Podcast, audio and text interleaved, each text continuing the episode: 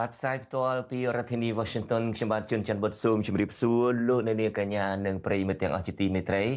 បាទយើងខ្ញុំសូមជូនកម្មវិធីផ្សាយសម្រាប់រាត្រីថ្ងៃប្រហោះ8កើតខែមករាឆ្នាំថោះពុទ្ធសកបច្ចស័កពុទ្ធសករាជ2567ដែលត្រូវនៅថ្ងៃទី20ខែធ្នូគ្រិស្តសករាជ2023បាទជាដំបូងនេះសូមអញ្ជើញលោកអ្នកនាងស្ដាប់ព័ត៌មានប្រចាំថ្ងៃដែលមានវិទ្យការដូចតទៅ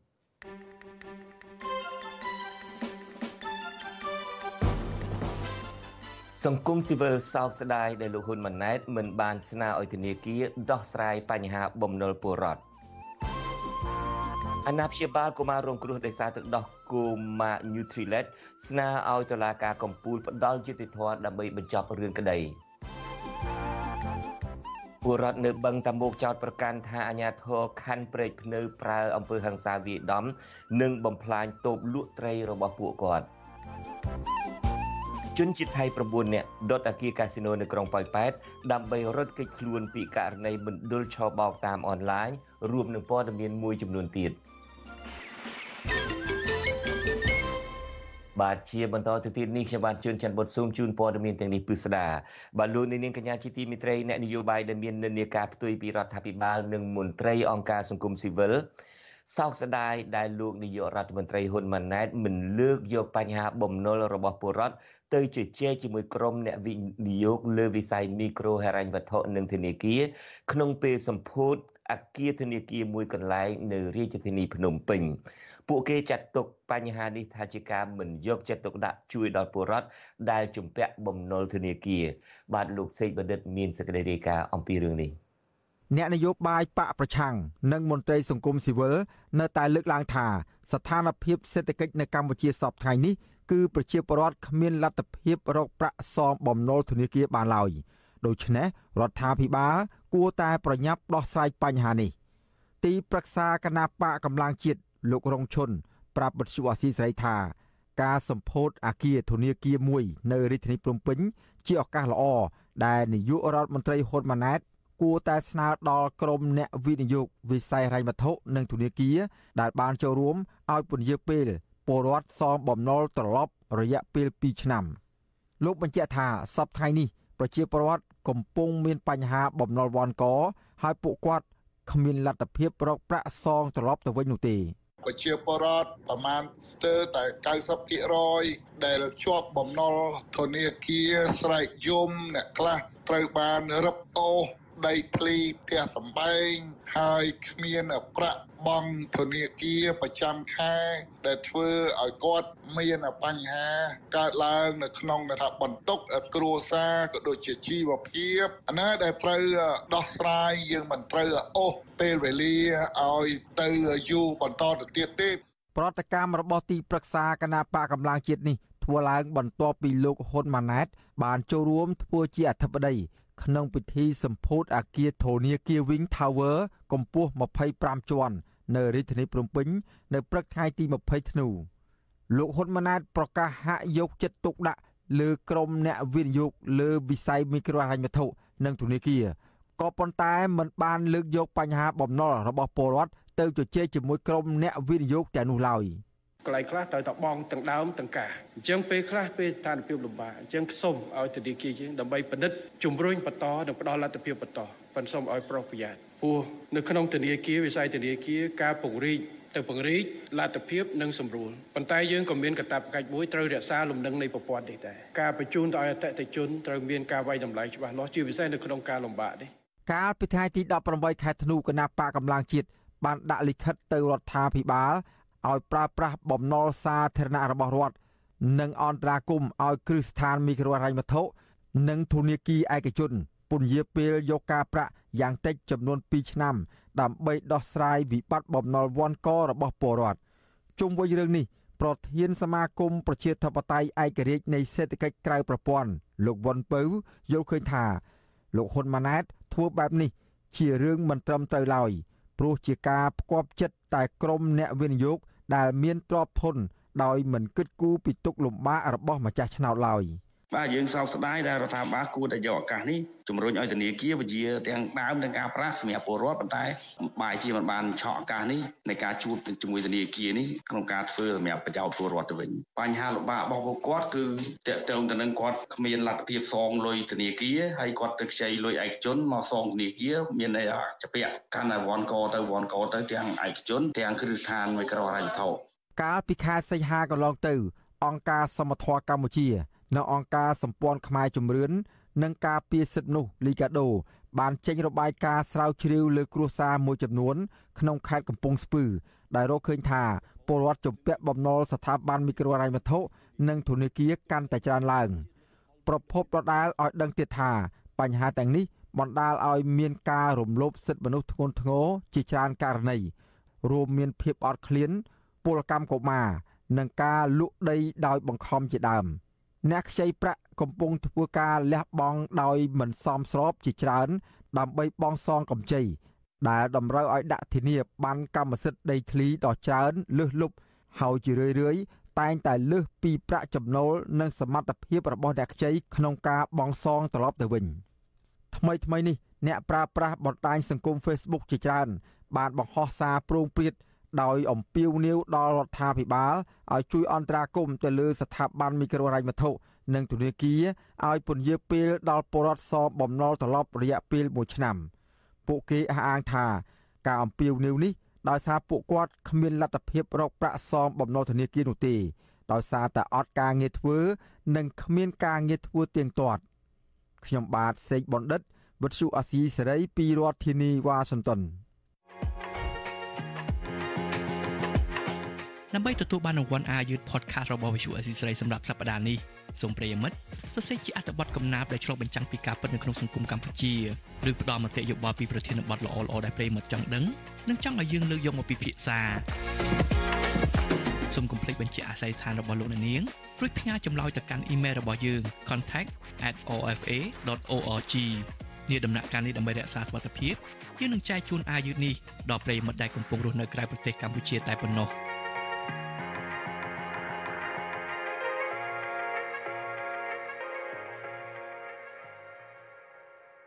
បាទប្រសិនបើលោកអ្នកនាងចង់បានអាវយឺតដែលអាស៊ីសេរីកំពុងតែផ្សព្វផ្សាយនេះហើយឃើញក្រុមការងារយើងពាក់ទាំងអស់គ្នារួមទាំងខ្ញុំផងមើលទៅដូចជាទាហានកំងដូចអញ្ចឹងបាទប្រសិនបើលោកអ្នកនាងចង់បានអាវយឺតនេះដូចយើងបានជម្រាបហើយអាចផ្ញើអឺ ជាគំនិតជាយោបល់ថាតើប្រធានបទណា ដែលយើងគួរជ្រើសរើសយកមកជជែកគ្នាក្នុងកម្មវិធី podcast លោកអ្នកនាងអាចសរសេរជាកំណាព្យក៏បានប្រសិនបើយើងចុះផ្សាយសម្រាប់ចិត្តតែចុះផ្សាយឬជ្រើសរើសយកប្រធានបទណាមួយដែលលោកអ្នកនាងផ្ញើមកយើងនឹងផ្ញើអាវយឺតនេះជូនលោកអ្នកនាងហើយក៏ប៉ុន្តែដូចយើងបានជម្រាបអញ្ចឹងយើងមិនទាន់ផ្ញើជូនអ្នកនៅក្នុងស្រុក ទេខ្លាចក្រែលោពាក់អាវយឺតនឹងទៅគេថាជាភ្នាក់ងារឯណាជួយផ្ដល់ព័ត៌មានឯណាគិញសម្ងាត់ឲ្យរដ្ឋបរទេសណាគេយកទៅធ្វើទុកបុកម្នេញអីចឹងទៅតាមពិតនឹងពួកយើងនឹកដល់ប្រជាពលរដ្ឋនៅក្នុងប្រទេសកម្ពុជាណាស់ហើយចង់មានទំនាក់ទំនងឲ្យកាន់តែជិតជាងនឹងក៏ប៉ុន្តែដូចខ្ញុំបាទបានជម្រាបដល់ហេតុថាបញ្ហាសុខភាព បាទឥឡូវនេះយើងងាកមករឿងបញ្ហាបឹងតាមុកវិញម្ដង យើងមានសេចក្តីរាយការណ៍មួយរបស់លោកទីនសាការីយ៉ាដែលលោករាយការណ៍ថាពលរដ្ឋនៅបឹងតាមុកអះអាងថាអាញាធរខណ្ឌព្រែកភ្នៅប្រើអំពើហិង្សាទៅលើពួកគាត់ ដែលហ៊ានចេញមុខតវ៉ាមិនអោយអាញាធររុះរើតូបលក់អីវ៉ាន់របស់ពួកគាត់មន្ត្រីសង្គមស៊ីវិលថាសកម្មភាពរបស់អាញាធរ ដែលបានបំផ្លាញតូបនិងបានប្រើអំពើហិង្សាលើពលរដ្ឋគឺជាការរំលោភសិទ្ធិមនុស្សជាមូលដ្ឋាន បាទទីនសាការីយ៉ាពីរដ្ឋធានី Washington ប្រជាពលរដ្ឋរស់នៅជាប់បឹងតមោកស្ថិតនៅក្នុងសង្កាត់សំរោងត្បូងខណ្ឌព្រែកភ្នៅរាជធានីភ្នំពេញកាលពីថ្ងៃទី19ធ្នូបានប៉ះទង្គិចជាមួយអាជ្ញាធរខណ្ឌព្រែកភ្នៅដោយហិង្សាបណ្ដាលឲ្យប្រជាពលរដ្ឋមួយចំនួនរងរបួសស្រាលក្នុងពេលក្រុមអាជ្ញាធរជិត20នាក់បានចុះទៅរុះរើផ្ទះនិងតូបមួយកន្លែង ដែលលក់ដូររបស់របរតិចតួច តាមចិញ្ចើមថ្នល់ដើម្បីបានប្រាក់ចិញ្ចឹមជីវិតក្រោយពីក្រុមអាជ្ញាធរបានប្រើអំពើហិង្សាលើប្រជាពលរដ្ឋនោះអាជ្ញាធរខណ្ឌព្រែកភ្នៅបានចេញលិខិតជាថ្មីឲ្យម្ចាស់តូបរុះរើដោយទុករយៈពេល3ថ្ងៃមុនពេលដែលអាជ្ញាធរចុះរុះរើជាថ្មីម្ដងទៀតទោះជាយ៉ាងណាប្រជាពលរដ្ឋអះអាងថាពួកគាត់នឹងរួមគ្នាការពារទោះបីជាពួកគាត់អាចប្រឈមនឹងការចាប់ខ្លួននិងរងអំពើហិង្សាពីអាជ្ញាធរក៏ដោយ បរិរងគ្រោះនៅបឹងតមោកលោកស្រីគង់ទឿលើកឡើងថាអាជ្ញាធរបានបំផ្លាញតូបរបស់លោកស្រីដែលទើបតែនឹងសាងសង់សម្រាប់លក់ផ្កាឈូកខ្ចងខ្ចៅដើម្បីចិញ្ចឹមគ្រួសារដែលមានជនពិការនិងចាស់ជរានៅក្នុងបន្ទុកលោកស្រីចាត់ទុកសកម្មភាពរបស់អាជ្ញាធរគឺជាអំពើអមនុស្សធម៌និងប្រើវិធីសាស្ត្រគ្រប់បែបយ៉ាងដេញប្រជាពលរដ្ឋចេញដើម្បីកាត់ដីឲ្យអ្នកមានលុយមានអំណាច មើលនេះដៃខ្ញុំលោកអស់នេះបាទជង្គង់អស់ខ្ញុំឡោខ្ញុំយល់ឃើញថាអាញាទៅខំបែបផ្លូវលំលើកសិតខខៅជាទីបំផុតគ្មានចិត្តបេះដូងខ្មែរសុទ្ធមិនមែនជាងខ្មែរទៅចង់លើអពើទៀតខ្ញុំយល់បើគាត់មិនបានអីគាត់យល់អញ្ចឹងគាត់មិនមកទៅបាប់ជាបរតទេគាត់ខ្វាន់ឃើញខ្វះមកទាំងអស់បរតរងគ្រោះនៅបឹងតមោកម្នាក់ទៀតលោកស្រីវ៉ាន់ផាលើកឡើងថាអាញាធរខណ្ឌប្រែកភ្នៅបានប្រាហិង្សាលើពួកគាត់ដែលជាស្ត្រីចេញមុខតវ៉ាការពារតូប ដែលជាមុខរបរចិញ្ចឹមជីវិតរបស់ពួកគាត់ប្រចាំថ្ងៃលោកស្រីវ៉ាន់ផាបន្តថារដ្ឋាភិបាលតែងតែលំអៀងទៅកាន់អ្នកមានលុយមានអំណាចដែលអាចទទួលបានដីរាប់សិបហិកតាប៉ុន្តែរដ្ឋាភិបាលបែរជាមកបណ្ដេញប្រជាពលរដ្ឋក្រីក្រចេញពីលំនៅឋានទៅវិញ។ អ្វីក៏ប្រជាពលរដ្ឋខ្មែរធ្វើលើទឹកដីខ្មែរអត់បានហេតុអីក៏ខាងអាជ្ញាធរខណ្ឌនេះមកបដិញពួកខ្ញុំមិនអោយពួកខ្ញុំធ្វើទៅតោភ្លុកដោគាត់នឹងចាំជីវិតនេះភ្លុកដោតាមដងផ្លូវតាមតោបន្តិចតួចនេះហេតុអីក៏គាត់មិនអោយធ្វើបើបាក់លុប3000ហត្តាជាងលុបអស់ហើយវិទ្យុអសិរ័យមិនអាចតតងអភិបាលរាជធានីភ្នំពេញលោកខួងស្រេងនិងអភិបាលខណ្ឌប្រែកភ្នៅ លោកធឹមសំអានដើម្បីសំសួរអំពីបញ្ហានេះបានទេនៅថ្ងៃទី20ធ្នូ តកតៅនៅរឿងនេះអ្នកសម្របសម្រួលគម្រោងធុរកិច្ចនិងសិទ្ធិមនុស្សរបស់មជ្ឈមណ្ឌលសិទ្ធិមនុស្សកម្ពុជា CCIHR លោកវ៉ាន់សុផាតថ្លែងថា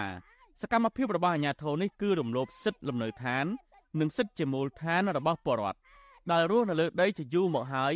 មុនពេលក្រុមហ៊ុនទទួលបានដីនៅបឹងតមោកទៅទៀត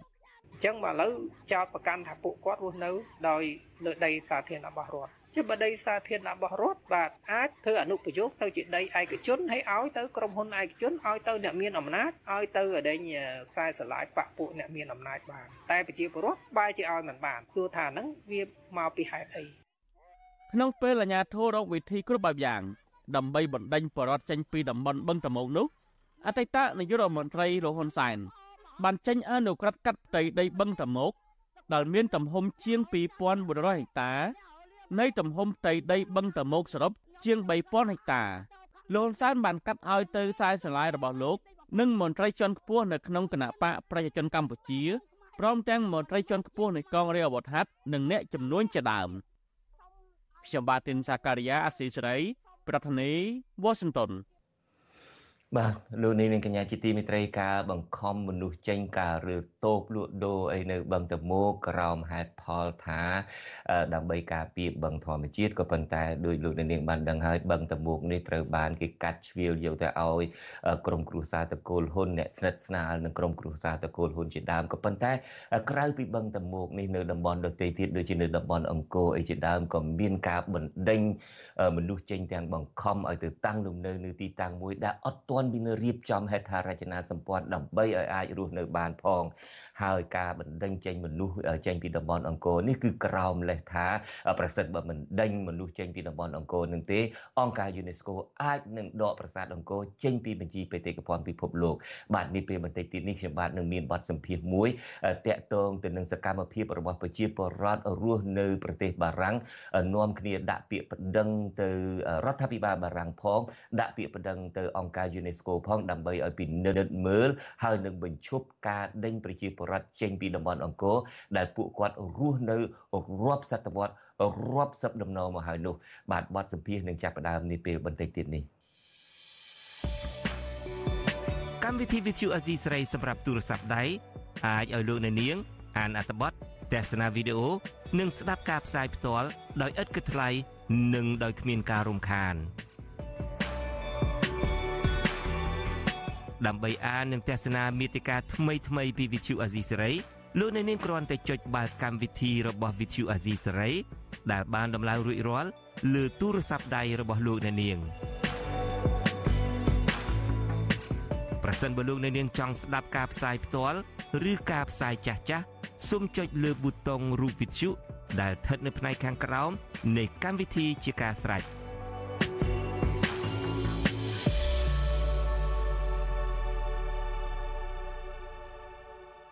បាទលោកនាងកញ្ញាជាទីមេត្រីប្រសិនបើលោកនាងមិនទាន់បាន download យកកម្មវិធី app របស់ Vitu Azizi Serai RFA app នេះដាក់នៅក្នុងទូរស័ព្ទដៃរបស់លោកនាងទេសូមអញ្ជើញលោកនាងដំឡើង download និងដំឡើងកម្មវិធីនេះនៅក្នុងទូរស័ព្ទដៃដោយយើងបានជម្រាបលោកនាងអាច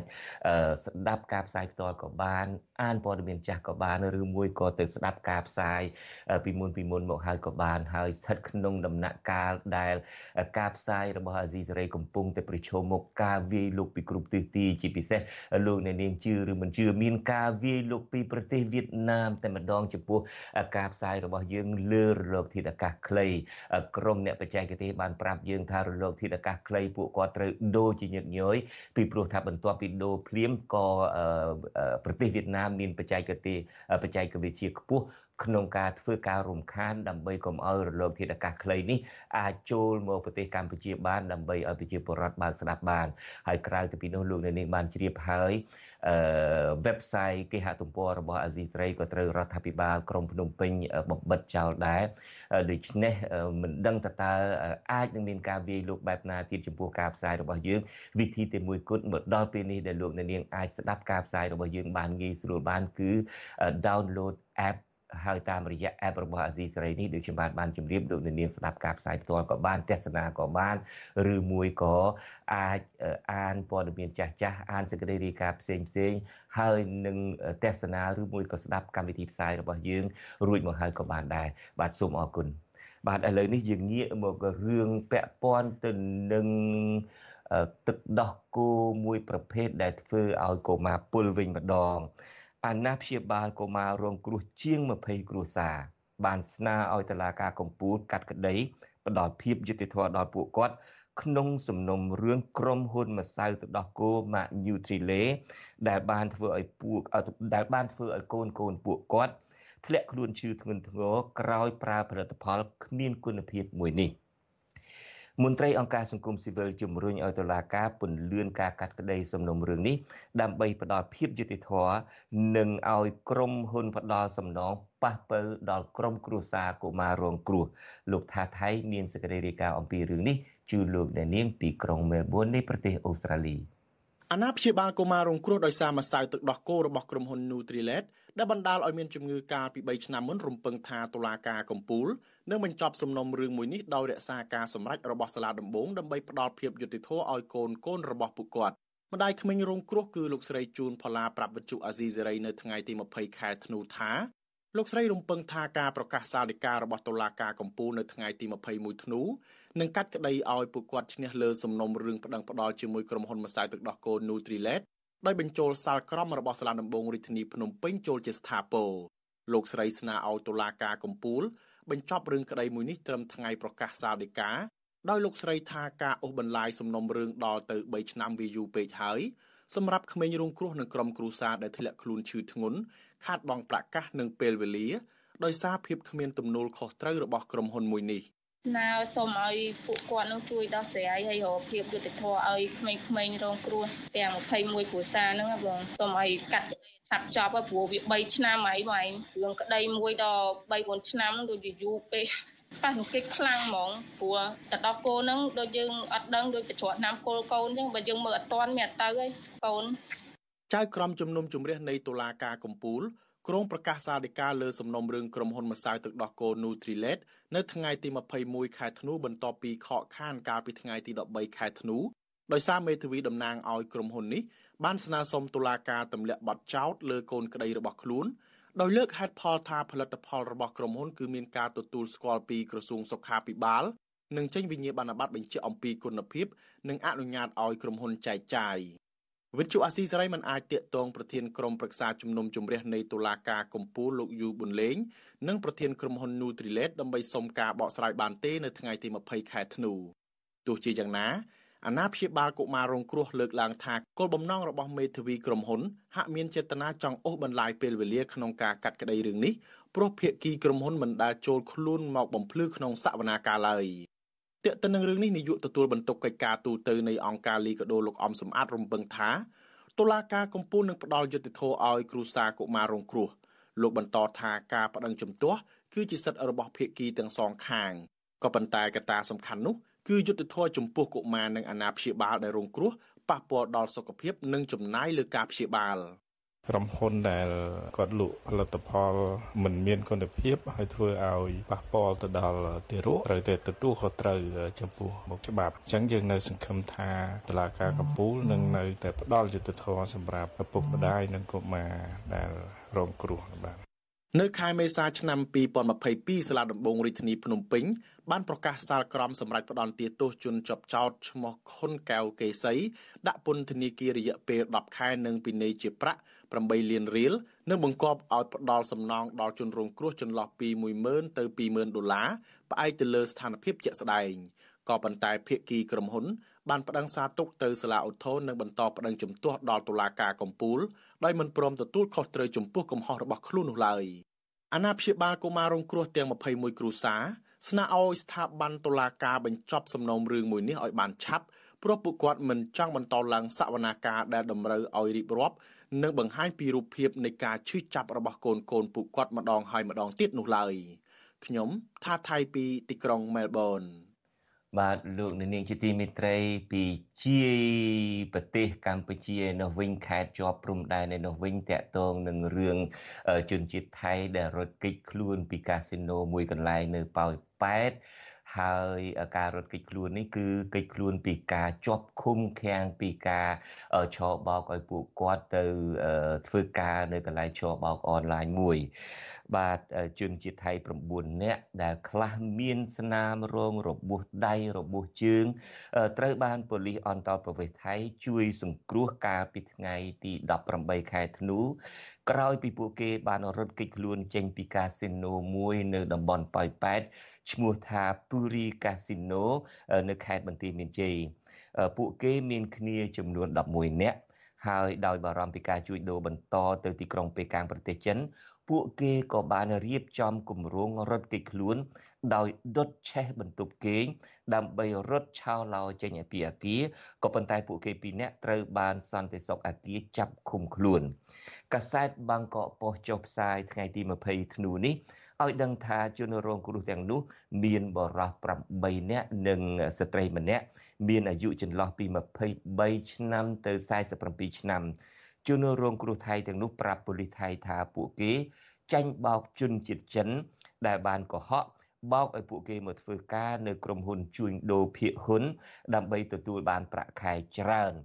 ក៏ប៉ុន្តែនៅពេលដែលពួកគេទៅដល់អគារកាស៊ីណូពុយរីត្រូវបានថៅកែដកយកលិខិតឆ្លងដែននិងបង្ខំឲ្យពួកគេធ្វើការជាអ្នកឆបោកតាមទូរស័ព្ទទៅវិញ ហើយបើសិនបើពួកគេមិនធ្វើការរកលុយឲ្យតកែចិនបានទេ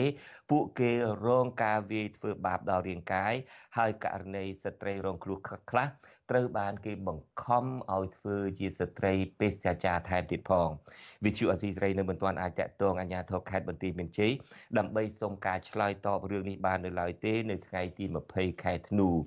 ប្រពន្ធដដែលបន្តថាអាញាធរថៃបានតាក់ទងអាញាធរខ្មែររួចហើយ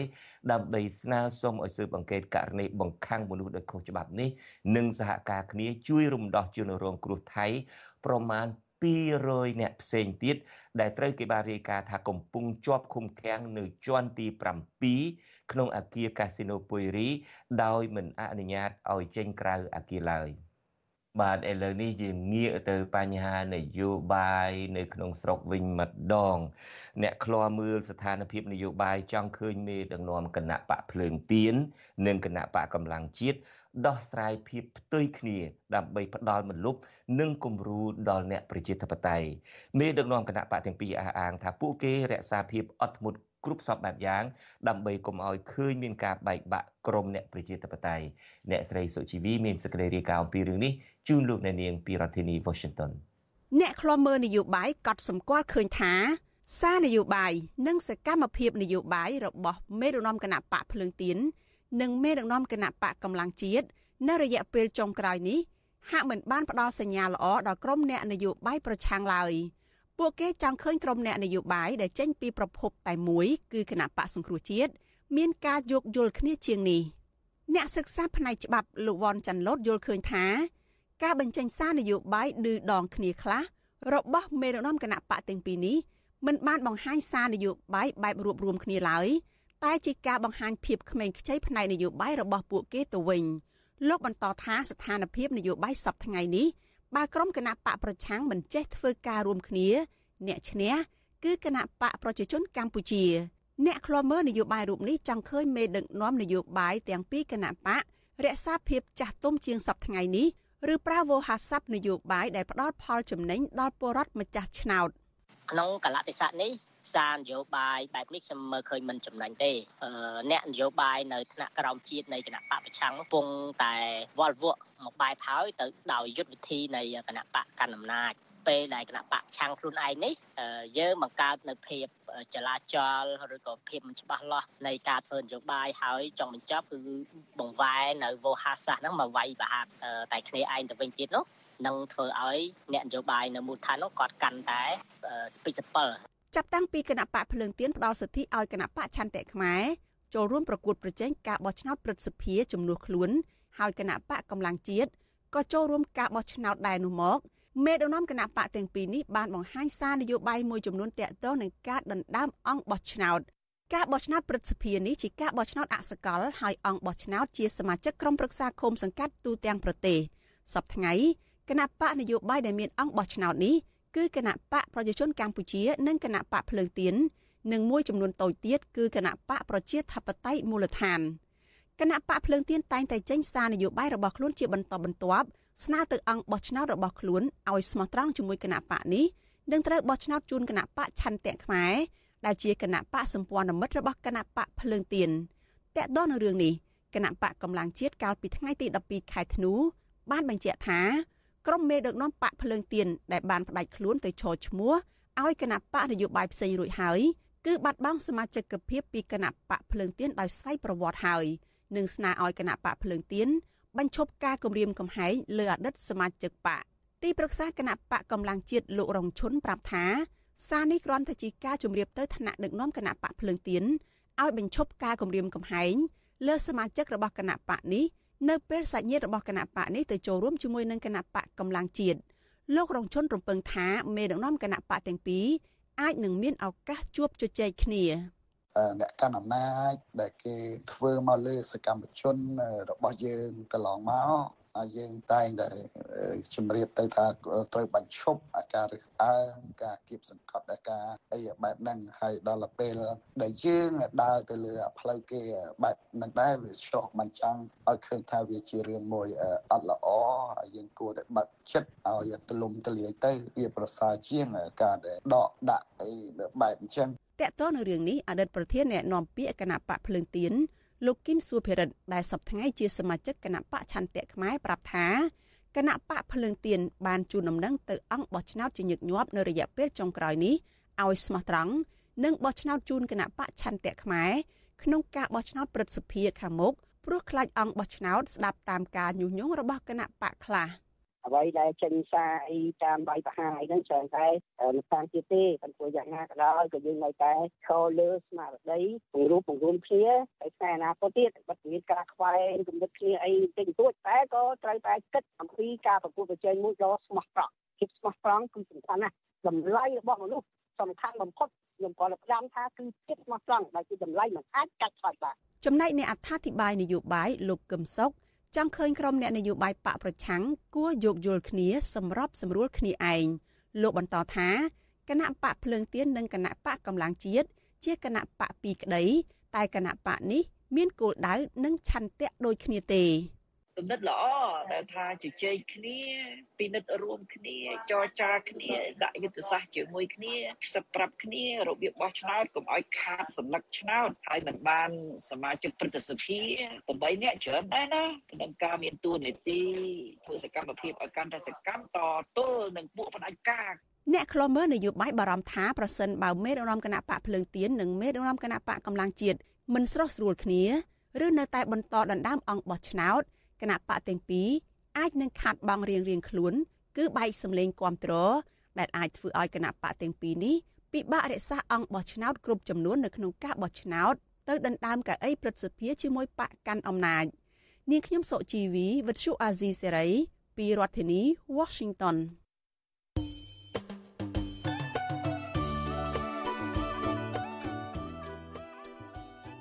បាទលោកនាងកញ្ញាជាទីមិត្តរីវិទ្យុអាស៊ីសេរីរបស់យើងនេះប្រកាសណាស់យើងផ្សាយតាមរលកធាតុអាកាសខ្លីផង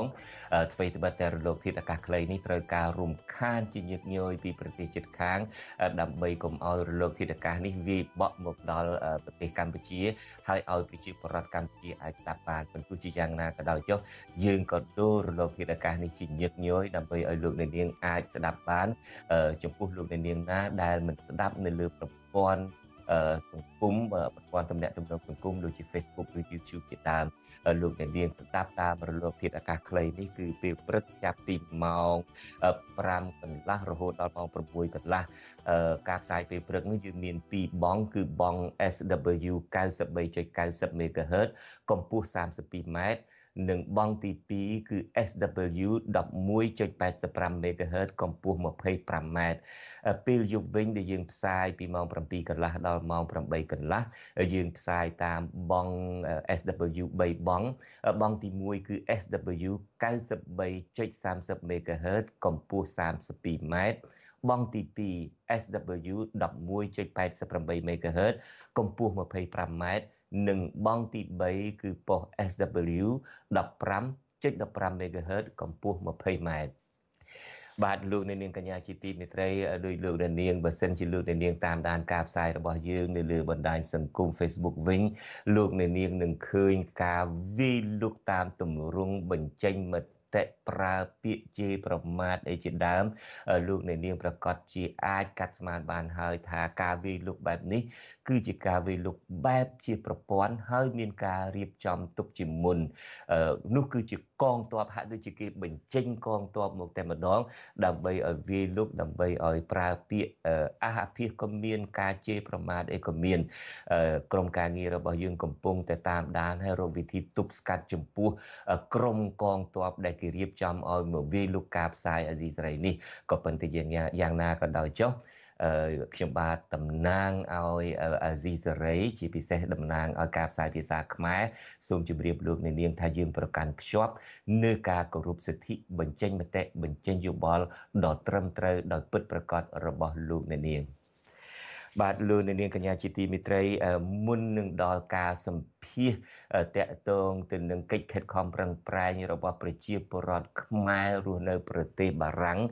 ក្នុងការតតាំងជាមួយនឹងរដ្ឋាភិបាលបារាំង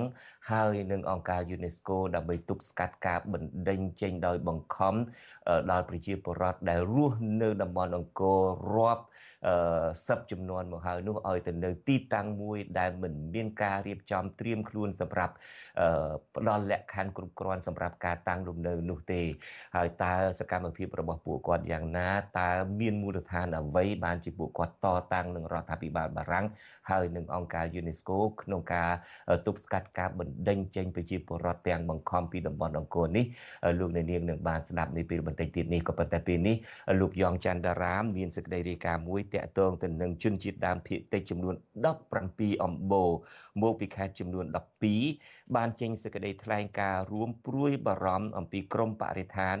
និងធនធានធម្មជាតិសំទោសព្រួយបារម្ភអំពីក្រមមិនមែនក្រមទេក្រមបរិស្ថាន និងធនធានធម្មជាតិដែលរដ្ឋសភាទើបតែអនុម័តថានឹងប៉ះពាល់ដល់សិទ្ធិជនជាតិដើមភាគតិច និងដំណើរការចុះបញ្ជីដីសមូហភាពពួកគាត់ទទូចរដ្ឋសភា ឲ្យនឹងស្ថាប័នពាក់ព័ន្ធដាក់បញ្ចូលពាក្យជនជាតិដើមភាគតិចក្នុងក្រមបរិស្ថាន និងធនធានធម្មជាតិជំនួសពាក្យសហគមន៍មូលដ្ឋាន បាទលោកយ៉ងច័ន្ទរាពីរដ្ឋធានី Washington តំណាងសហគមន៍ជនជាដើមភាគតិចជិត200នាក់មកពីខេត្តចំនួន12រួមមានខេត្តរតនគិរី ស្ទឹងត្រែង ក្រចេះនិងបន្ទាយមានជ័យព្រមទាំងខេត្តកោះកុងជាដើមបានពិគ្រោះយោបល់គ្នានៅក្នុងគោលបំណងប្រមូលធាតុចូល ពាក់ព័ន្ធទៅនឹងក្តីកង្វល់រួមដែលប៉ះពាល់ទៅដល់សិទ្ធិសង្គមវប្បធម៌និងសេដ្ឋកិច្ចរបស់ពួកគាត់នៅគ្រាដែលក្រមបរិស្ថាននិងធនធានធម្មជាតិបានចូលជាធរមានកាលពីខែកក្កដាឆ្នាំ2023កិច្ចពិភាក្សានេះធ្វើឡើងនៅក្នុងសន្តាគារអង្គរ Century Resort នៅក្នុងក្រុងសៀមរាបកាលពីថ្ងៃទី19ខែធ្នូដោយមានការចូលរួមពីតំណាងក្រសួងមហាផ្ទៃ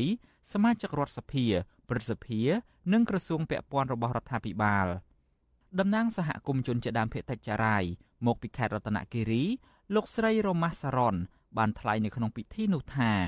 ការមិនប្រើពាក្យជនជាដើមភាគតិចនៅក្នុងក្រមបរិស្ថាននិងធម្មជាតិនោះគឺជាការលុបបំបាត់ឈ្មោះជនជាដើមឲ្យលោកឡំជាមួយនឹងសហគមន៍ទូទៅ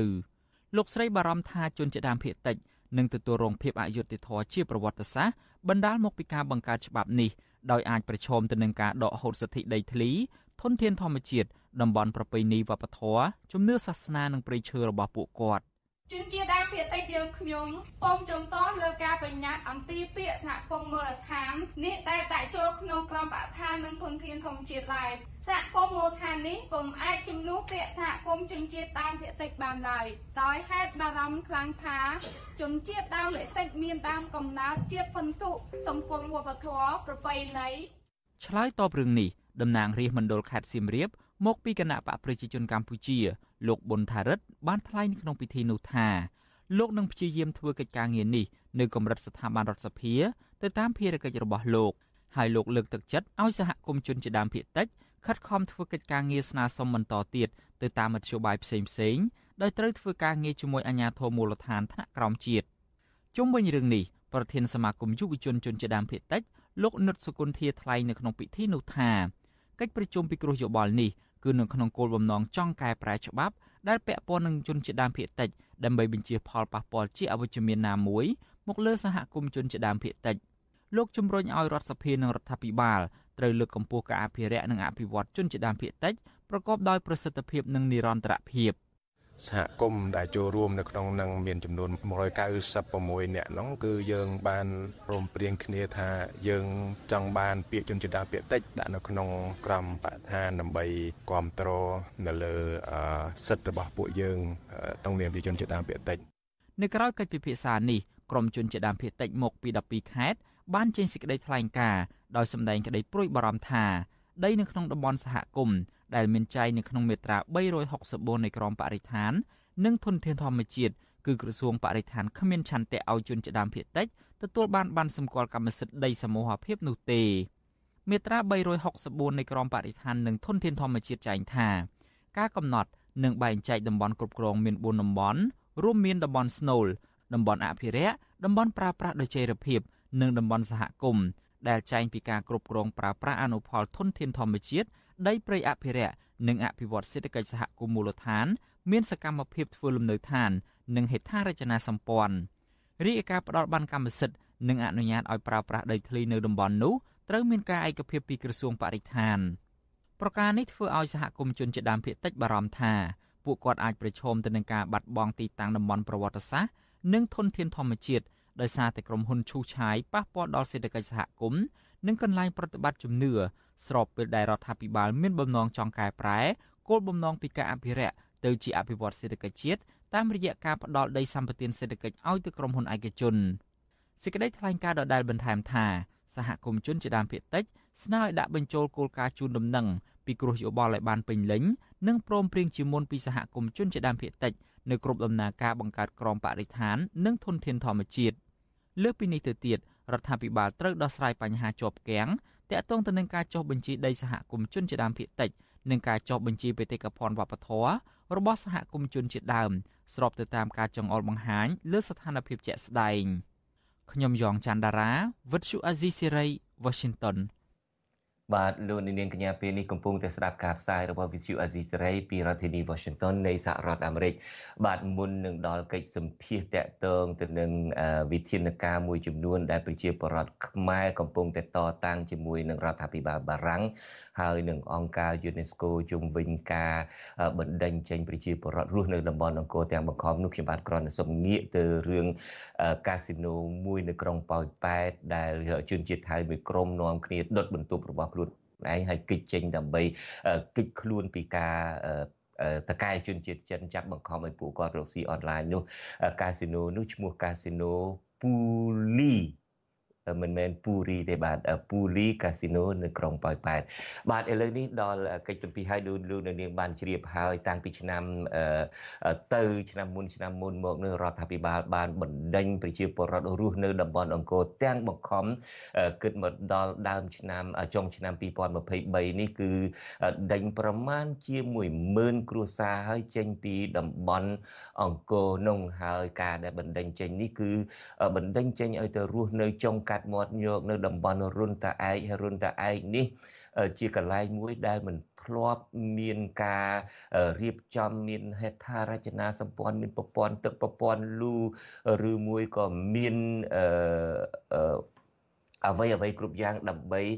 ផ្ដល់លក្ខខណ្ឌសមស្របសម្រាប់ឲ្យមនុស្សទៅតាំងលំនៅនោះទេហើយការធ្វើបែបនេះនឹងគឺធ្វើឲ្យអង្គការអន្តរជាតិមាន Amnesty International ជាដើមនឹងមានការព្រួយបារម្ភហើយប្រជាពលរដ្ឋខ្មែរនៅប្រទេសបារាំងនឹងក៏ព្រួយបារម្ភហើយក៏នាំគ្នាដាក់ពាក្យបណ្ដឹងទៅអង្គការ UNESCO ផងហើយទៅរដ្ឋាភិបាលបារាំងផងហេតុអ្វីបានជាប្រជាពលរដ្ឋខ្មែរដាក់ពាក្យទៅរដ្ឋាភិបាលបារាំងប្រសិនបើលោកអ្នកនាងបានតាមដានការអភិវឌ្ឍនៅតំបន់អង្គរគឺប្រទេសបារាំងរួមនឹងប្រទេសជប៉ុននេះហើយគឺជាសហប្រធាននៃអង្គការមួយដែលគេហៅកាត់ថា ICC មកពីពាក្យពេញថា International Coordination Committee for Anchor មានន័យថាអង្គការសម្របសម្រួល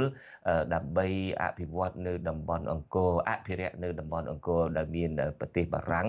ហើយនឹងប្រទេសជប៉ុនជាសហប្រធាន បាទដើម្បីចង់ជ្រាបច្បាស់អំពីថា តើកិច្ចខិតខំប្រឹងប្រែងរបស់ខ្មែរនៅប្រទេសបារាំងដើម្បីប្តឹងទៅរដ្ឋាភិបាលបារាំងនិងអង្គការ UNESCO នោះប្រព្រឹត្តទៅបែបណាខ្ញុំបាទមានបទសម្ភាសន៍ផ្ទាល់មួយជាមួយអ្នកស្រីមូសុខួរហើយអ្វីដែលយើងសម្ភាសន៍អ្នកស្រីមូសុខួរនេះពីព្រោះអ្នកស្រីនឹងក៏តាមដានសាច់រឿងនឹងអាចនៅពីក្រោយសាច់រឿងនឹងផងក៏មិនដឹងទុកឲ្យអ្នកស្រីមូសុខួររៀបរាប់ខ្លួនឯងតើអ្នកស្រីសូមសូមជម្រាបសួរជាដំបូងនេះបាទអ្នកស្រី ជំទាវលោកជំទាវមូសុខួរតើលោកជំទាវនឹងនៅពីក្រោយខ្នងការខិតខំប្រឹងប្រែងរបស់ប្រជាពលរដ្ឋខ្មែរនៅប្រទេសបារាំងដើម្បីដាក់ពាក្យប្តឹងទៅអង្គការ UNESCO ផងទៅប្រទេសបារាំងផងនោះដែរទេជាបឋមខ្ញុំប្រកាសណាខ្ញុំសូមក្រាបថ្វាយបង្គំព្រះរានិធិរៈសូមគោរពបងប្អូនជនរួមជាតិលើជនចាត់បាត់ខ្ញុំយល់ឃើញថាយើងមិនគួរនិយាយហៅពាក្យថាពីក្រោយខ្នងទេចា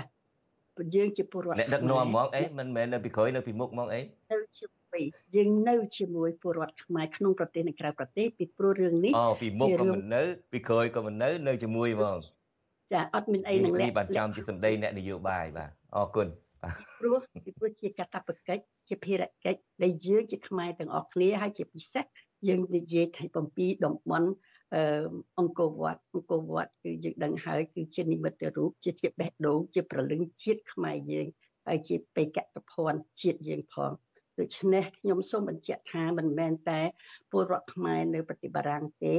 មានទាំងពលរដ្ឋខ្មែរនៅសហរដ្ឋអាមេរិកដែរហើយខ្ញុំជាសមាជិកនៃគណៈកម្មការចំពោះកិច្ចមួយ ដែលបង្កើតចេញមកពីពីជួបជុំគ្នានៅអឺ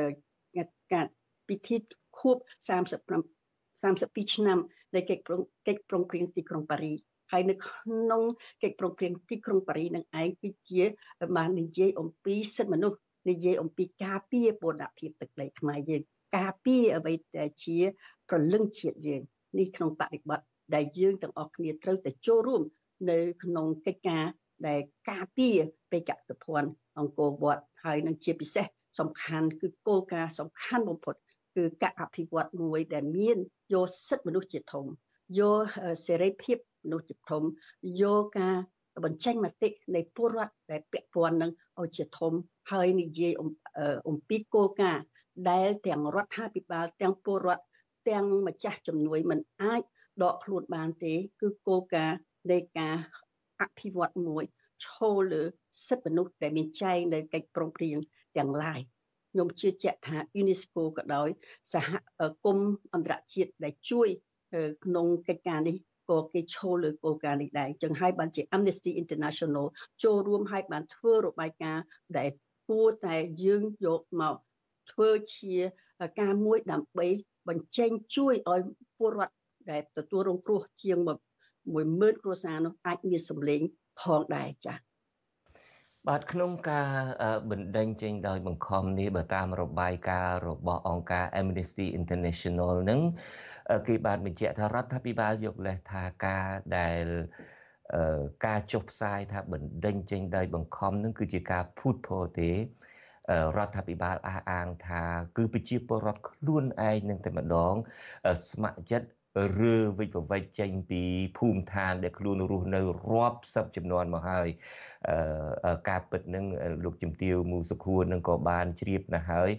តំបន់អង្គរប្រាសាទអង្គរនេះមិនដែលនៅដាច់ឆ្ងាយចេញពីប្រជាពលរដ្ឋនោះទេអ្វីត្បិតតែបារាំងថាបារាំងទៅតែរកឃើញប្រាសាទនៅកណ្ដាលព្រៃអីក៏ដោយចុះការបោះបង់ទីក្រុងអង្គរដើម្បីមកសាងសង់ទីក្រុងថ្មីនៅក្បែរក្បែរពេញនៅដងមានជ័យនៅអីជាដើមនេះគឺគ្រាន់តែរើទីតាំងរដ្ឋធានីរាជធានីទេក៏ប៉ុន្តែប្រជាពលរដ្ឋដែលរស់នៅតំបន់ហ្នឹងគឺថាបន្តរស់នៅតែអញ្ចឹងមិនដែលថាប្រាសាទអង្គរនឹងកប់នៅក្នុងព្រៃដោយដែលអ្នករុករោគបារាំងនឹងរាយការណ៍ទេការពិតគ្រាន់តែពួកគាត់បានមករកឃើញថ្មីការពិតនឹង ចំពោះប្រជាប្រដ្ឋខ្មែររស់នៅតំបន់អង្គរនឹងរស់នៅជាមួយនឹងប្រាសាទដោយរស់នៅនឹងគឺថែទាំផងគឺបករបរចិញ្ចឹមជីវិតផងមកទល់ពេលនេះក៏ដោយចុះគឺប្រជាពលរដ្ឋមូលដ្ឋាននៅតំបន់អង្គរនឹងតែម្ដងដែលលក់វត្ថុអនុស្សាវរីយ៍ដែលរកស៊ីអីនៅតំបន់ហ្នឹងហើយជួនកាលវត្តមានរបស់ពួកគាត់នៅតំបន់អង្គរហ្នឹងក៏ធ្វើឲ្យពួកចៅដែលប៉ុនប៉ងមកបំផ្លាញប្រាសាទហ្នឹងអឺ ក៏ហាក់ដូចជាមានអ្នកដែលឃ្លាំមើល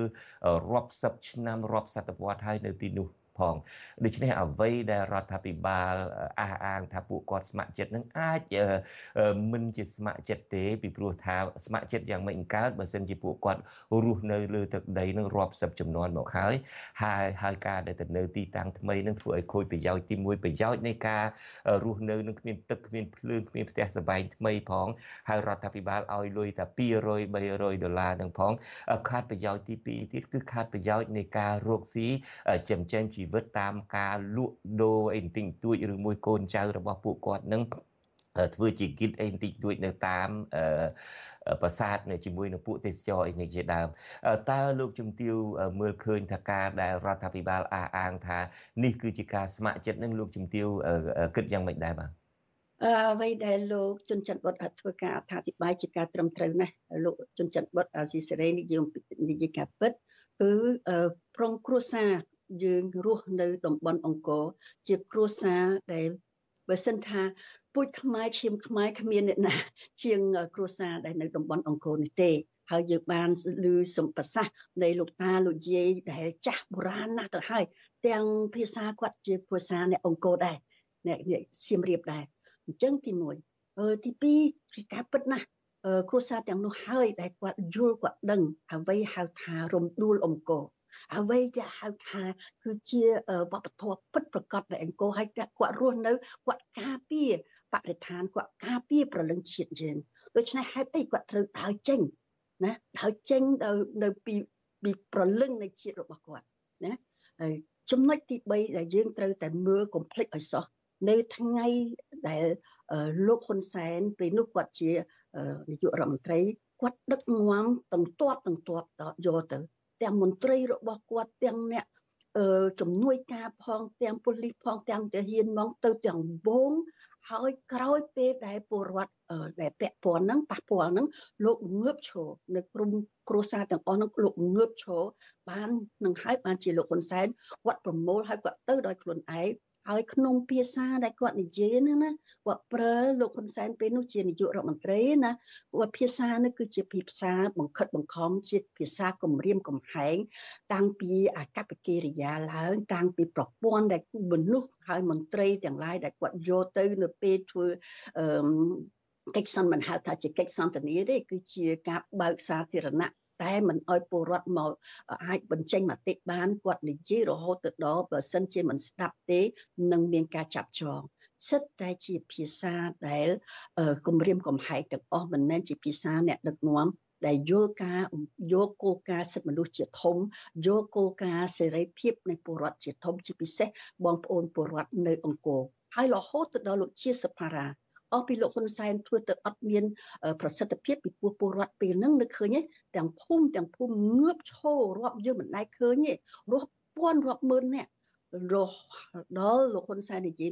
អត់មាន ប្រសិទ្ធភាពយកលោកជាសភារាលោកជាសភារាយើងដឹងហើយគឺជាអ្នកមានថ្មីមាត់នៅក្នុងការនិយាយភាសាប្រជាពលរដ្ឋក៏ប៉ុន្តែដល់ពេលនោះភាសារបស់លោកជាសុភារាក៏ជាភាសាគម្រាមកំហែងដែរ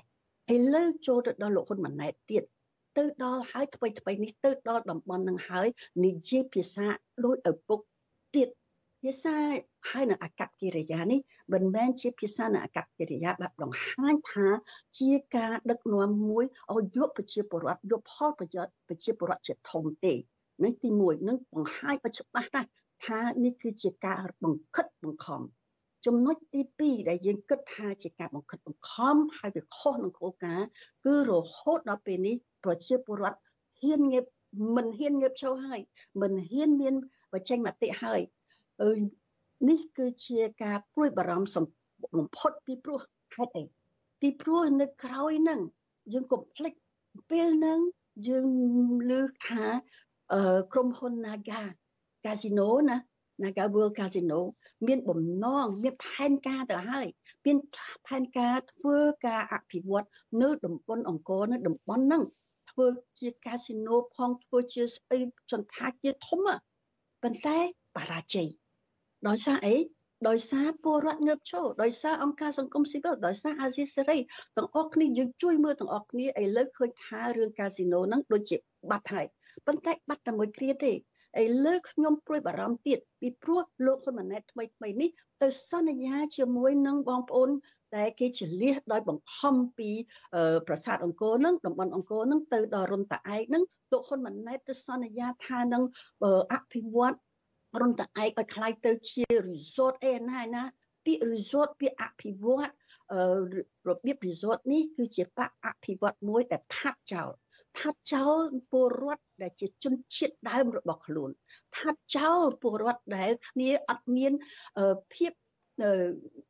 អត់មានវិធានការមធ្យោបាយណា ដែលអាចទៅដាក់ទុនអភិវឌ្ឍជាមួយនឹងរដ្ឋាភិបាលឬមួយជាក្រុមហ៊ុនដទៃទៀតហើយខ្ញុំសូមបញ្ជាក់បន្ថែមទៅទៀតណានៅ Amnesty International គេនិយាយច្បាស់ណាស់គេនិយាយច្បាស់ណាស់ថានៅក្នុងការបង្ខិតបង្ខំនេះយើងឃើញ នៅរូបភាពនេះមានមានតែហ៊ានមានអីចូលរួមដូច្នេះវាមិនមែនជាការមួយដែលពលរដ្ឋអាចចូលរួមបាននេះគឺជាគោលការណ៍សិទ្ធិមនុស្សដែលយើងត្រូវតែការពារហើយនៅក្នុងលិខិតរបស់យើងខ្ញុំផ្ញើទៅរដ្ឋាភិបាលបារាំងជប៉ុនអាមេរិកអាមេរិករដ្ឋាភិបាលដទៃទៀតយើងហើយជាមួយនៅ UNESCO ដែរយើងចុះហត្ថលេខា តាំងពីសហរដ្ឋអាមេរិករហូតដល់ប្រទេសបារាំងនេះយើងជាខ្មែរនៅក្រៅប្រទេសតែជាអ្នកយើងហ៊ាននិយាយពីព្រោះខ្មែរនៅក្នុងប្រទេសឥឡូវនេះมันអាចនិយាយបានទេបងប្អូនមើលនៅក្នុងប្រព័ន្ធរបៀបចាត់ចែងនៅក្នុងរដ្ឋាភិបាលលោកហ៊ុនសែនលោកលោកហ៊ុនម៉ាណែតនេះគឺនៅក្នុងការពេលដែលធ្វើការចលះម្ដងម្ដងការបង្ខិតបង្ខំនោះយើងឃើញឃើញឲ្យពលរដ្ឋគ្នាសល់អី អំបញ្ញមិញរូបភាពនេះគឺទាំងស្បែកជើងផងទាំងរូបថតទាំងខ្លោចផ្សារណាខ្ញុំធ្លាប់យើងខ្ញុំធ្លាប់ទៅតំបន់បរិយាកីឡាដីក្រហមអឺអឺបឹងបឹងកក់ឃើញថាពេលរុញច្រានពលរដ្ឋម្ដងម្ដងនេះខ្លោចផ្សារខ្លោចផ្សារមែនទែនជាពិសេសកុមារយើងជាពិសេសស្ត្រីដែលមានផ្ទៃពោះជាពិសេសលោកតាលោកយាយខ្លោចផ្សារមែនទែន នេះជាការមួយដែលយើងមិនអាចទទួលយកបានឥឡូវយើងនិយាយទៅដល់បច្ចុប្បន្នភាពចាឥឡូវបច្ចុប្បន្នភាពយើងឃើញថាអរយៈពេល7ឆ្នាំនេះណាពលរដ្ឋដែលធ្លាប់តែមានភាពអឺជាស្មារតីខ្មែរអង្គរបាត់បង់នៅស្មារតីនឹងទៅជាពលរដ្ឋមួយដែលបាក់ស្បាតទៅជាពលរដ្ឋមួយដែលអស់ក្តីសង្ឃឹមទៅជាពលរដ្ឋមួយដែលរស់នៅក្នុង មួយថ្ងៃដើម្បីមួយថ្ងៃអានោះប៉ះពាល់ដល់សេដ្ឋកិច្ច បងប្អូនយើងបាទលោកជំទាវលោកជំទាវខ្ញុំបាទសូមកាត់ប្រសាសន៍លោកជំទាវបន្តិចដែលហេតុថាខ្ញុំមានពេលតែ5នាទីទៀតទេលោកជំទាវលោកជំទាវបាន មានប្រសាសន៍ថាការពិតនឹងឲ្យកែតម្រូវខ្ញុំបាទផងថាមិនមែនគាត់គ្រាន់តែប្រជាពលរដ្ឋដែលរស់នៅប្រទេសបារាំងទេប្រជាពលរដ្ឋរស់នៅប្រទេសដទៃទៀតមានសហរដ្ឋអាមេរិកជាដើមក៏នាំគ្នាសរសេរលិខិតប្តឹងនឹងគឺទៅអង្គការ UNESCO ផងទៅរដ្ឋាភិបាលបារាំងទៅរដ្ឋាភិបាលជប៉ុនអង់គ្លេសផងខ្ញុំគ្រាន់តែសូមបើកវងកញ្ចក់ជូនលោកនាងកញ្ញាបន្តិចថាការអភិវឌ្ឍនិងការរៀបចំតំបន់អង្គរនេះគឺជាបន្ទុករបស់អង្គការ3ជាសំខាន់ប្រកបណាស់របស់រដ្ឋាភិបាលកម្ពុជាដែលមានអាជ្ញាធរមួយដែលយើងហៅកាត់ថាអាជ្ញាធរអប្សរាបន្ទាប់មកទៀតមានគណៈកម្មាធិការសម្របសម្រួលអន្តរជាតិដែលមានបារាំងហើយនិងជប៉ុនជាសហប្រធានដែលអក្សរកាត់ជាភាសាអង់គ្លេសថា ICC មកពីពាក្យពេញថា International Coordinate Coordinating Committee for Angkor នឹងផងដូច្នេះហើយបានជាការដែលសរសេរលិខិតឲ្យគ្រប់សពបែបយ៉ាងហ្នឹងគឺប្តឹងទៅអង្គការ UNESCO ផងទៅ រដ្ឋាភិបាលនៃប្រទេសបារាំងនិងជប៉ុនផងហើយអង្គការ UNESCO នឹងដើរតួជាលេខាធិការដ្ឋាន ដើម្បីសម្របសម្រួលការងារទាំងអស់នោះមានន័យថាចង់ធ្វើការអីនៅតំបន់អង្គរនឹងត្រូវឆ្លងកាត់ ICC នឹងសិនដើម្បីឲ្យអនុវត្តបានហើយថ្មីថ្មីនេះយើងឮថាប្រទេសបារាំងនឹងប្រកាសថា គ្រប់គ្រងសកម្មភាពរបស់ ICC នឹងរយៈពេល10ឆ្នាំទៀតឥឡូវនេះខ្ញុំងាកមកសុនបើកវងកញ្ចក់ប៉ុណ្ណឹងទេងាកមកលោកជំទាវមូសុខួរវិញតើការខិតខំប្រឹងប្រែងមកទល់ពេលនេះបានលទ្ធផលអីខ្លះហើយការដែលសរសេរលិខិតទៅតវ៉ាដល់ UNESCO ដល់បារាំងដល់ជប៉ុនឬដល់អាមេរិកនេះសូមបានដឹងពីលទ្ធផលបន្តិចពីព្រោះពេលវេលាយើងខ្លីលោកជំទាវអឺយើងមិនទាន់បានលទ្ធផលទេប៉ុន្តែជំហានទី1គឺយើងធ្វើនៅក្នុងក្របខ័ណ្ឌនៃខ្មែរ ខ្មែរយើងទាំងអស់គ្នាហើយសូមឲ្យបងប្អូនទាំងអស់យើងមិនទាន់អស់ពេលទេផ្ញើលិខិតបន្តទៅទៀតធ្វើការទំនាក់ទំនងជាមួយនឹងយើងខ្ញុំនៅក្នុងលិខិតនោះយើងទាមទារឲ្យ UNESCO ទទួលយកនៅរបាយការណ៍នៃ Amnesty International ហើយយើងឃើញថា Amnesty International របាយការណ៍នេះក៏ UNESCO ទទួលយកហើយមិនត្រឹមតែប៉ុណ្្នឹងទេ UNESCO បានទាមទារឲ្យរដ្ឋាភិបាលកម្ពុជា ធ្វើរបាយការណ៍នៅខែ2ខែមុខនេះជាបន្ទាន់ដោយយកអ្វីដែលជាលទ្ធផលនៃ Amnesty International នឹងយកមកធ្វើជាគោលការណ៍ផងយើងមិនដូចនេះមានន័យថាបានលទ្ធផលខ្លះហើយបាននេះបានលទ្ធផលក្នុងន័យថាអង្គការ UNESCO ព្រមទទួលយករបាយការណ៍ស៊ើបអង្កេតរបស់ Amnesty International ហើយហើយនឹងឲ្យមានរបាយការណ៍តបមកវិញការស៊ើបអង្កេតតបមកវិញនៅខែ2នេះ ចាហើយយើងនឹងបន្តជាមួយ UNESCO ជាមួយ Amnesty International ទៅទៀតលុះត្រាតែបងប្អូនប្រជាពលរដ្ឋយើងទទួលនៅបាននៅហេដ្ឋារចនាសម្ព័ន្ធពិតប្រាកដបាននៅការសំណងចិត្តពិតប្រាកដហើយបានផ្ទះរស់នៅឲ្យជាពិសេសដូច្នេះការដែលទៀមទានឹងទៀមទាដើម្បីឲ្យបានសំណងពិតប្រាកដដើម្បីឲ្យគេអភិវឌ្ឍរឿងតែឯងនឹងមិនមែនដើម្បីឲ្យពួកគាត់បានត្រឡប់មកលំនៅឋានចាស់របស់ពួកគាត់វិញទេជាមួយគ្នានេះត្រឡប់មកវិញចា ទោះបីទៅទីទីណាក៏ដោយគឺឲ្យពលរដ្ឋខ្មែរយើងឲ្យពលរដ្ឋយើងរស់ក្នុងភាពមួយដែលមានកិត្តិយសមានភាពថ្លៃថ្នូរហើយមានសេដ្ឋកិច្ចរស់នៅដូច្នេះដើម្បីអញ្ចឹងមានត្រឡប់មកតំបន់ដែល UNESCO UNESCO បានបញ្ជាក់ឲ្យ UNESCO អត់មានបណ្ដេញពលរដ្ឋនៅក្នុងគោលការណ៍បណ្ដេញពលរដ្ឋទេអត់មានទេអញ្ចឹងយើងទាមទារឲ្យ UNESCO ឲ្យពលរដ្ឋត្រឡប់មកវិញហើយមានការចូលរួមពីពលរដ្ឋពីអង្គការសង្គមស៊ីវិលនៅក្នុងការធ្វើការការពារតំបន់អង្គរ តាមប្រលឹងដើម្បីឲ្យមានប្រលឹងជាតិយើងត្រឡប់មកវិញមិនមែនយករដ្ឋាភិបាលយកអំណាចយកប៉ូលីសយកទៅហ៊ានយកមកធ្វើការជិះជាន់ធ្វើការអភិវឌ្ឍមួយដែលធ្វើឲ្យចំណេញតែអ្នកមានទេជួយយើងជាការអភិវឌ្ឍមួយជាពិសេសនៅតំបន់អង្គរឲ្យច្បាស់លាស់ហើយយើងឮសូរថាថ្មីថ្មីនេះរដ្ឋអំណាចទៅច្រានរុញច្រានបងប្អូនយើងផឹកទៅតែស្រុកពួកក៏មិនអាចធ្វើអីធ្វើអីក៏មិនបានដែរ អប្សរានឹងគឺថាវេកញែកញែកយកអំណាចរបស់ខ្លួនគ្រប់ទីកន្លែងទាំងអស់ដូច្នេះយើងមានការព្រួយបារម្ភ ពីតំបន់អង្គរហើយយើងមានការព្រួយបារម្ភពីប្រសាសន៍របស់លោកម៉ាណែតដែលនិយាយអំពីធ្វើ resort នៅតំបន់អង្គរបន្តបន្ទាប់នេះអត់មានអ្វីខុសពីគោលការណ៍និងការអភិវឌ្ឍរបស់លោកហ៊ុនលោកហ៊ុនសែនដែលជាឪពុករបស់គាត់ទេដូច្នេះតំបន់អង្គរគឺជារឿងរបស់យើងទាំងអស់គ្នាសូមបងប្អូនចូលរួមជាមួយយើងខ្ញុំនៅក្នុងការសរសេរលិខិតហើយយើងខ្ញុំនឹងធ្វើរបាយការណ៍ជូនបងប្អូនយើងខ្ញុំនឹងធ្វើការកិច្ចការបន្តផ្ទាល់ជាមួយ UNESCO ឲ្យទុំខានថាយើងជានៅបារាំងឬអីណាយើងធ្វើនេះគឺដើម្បីពលរដ្ឋខ្មែរយើងដែលនៅក្នុងប្រទេសកម្ពុជាអត់មានសម្លេងទាល់តែសោះទោះបីយុវតីមួយនាក់17ឆ្នាំព្រោះតែនិយាយមួយម៉ាត់ក៏មិនកើតដែរនេះមិនមែនជាការអភិវឌ្ឍដែលយកពលរដ្ឋជាធំទេនេះគឺជាការបំផ្លាញហើយប្រតិបត្តិពលទៅអង្គរទៀតយើងមិនអាចទទួលយកបានទេ បាទអរគុណលោកជំទាវអត់ដល់ម៉ោងហើយហើយការងារនេះក៏កំពុងតែបន្តទៅទៅទៀត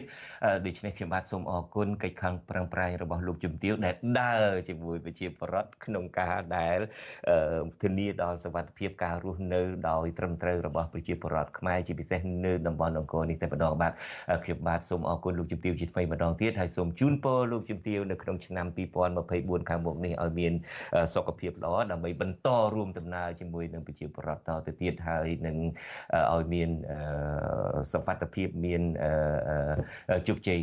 សម្រាប់ឆ្នាំ2024នឹងនិងឆ្នាំខាងមុខខាងមុខទៀតបាទខ្ញុំបាទសូមអរគុណបាទសូមជម្រាបលាទៅត្រឹមនេះបាទដល់លោកជនចិត្តបុតដែលត្រូវមាន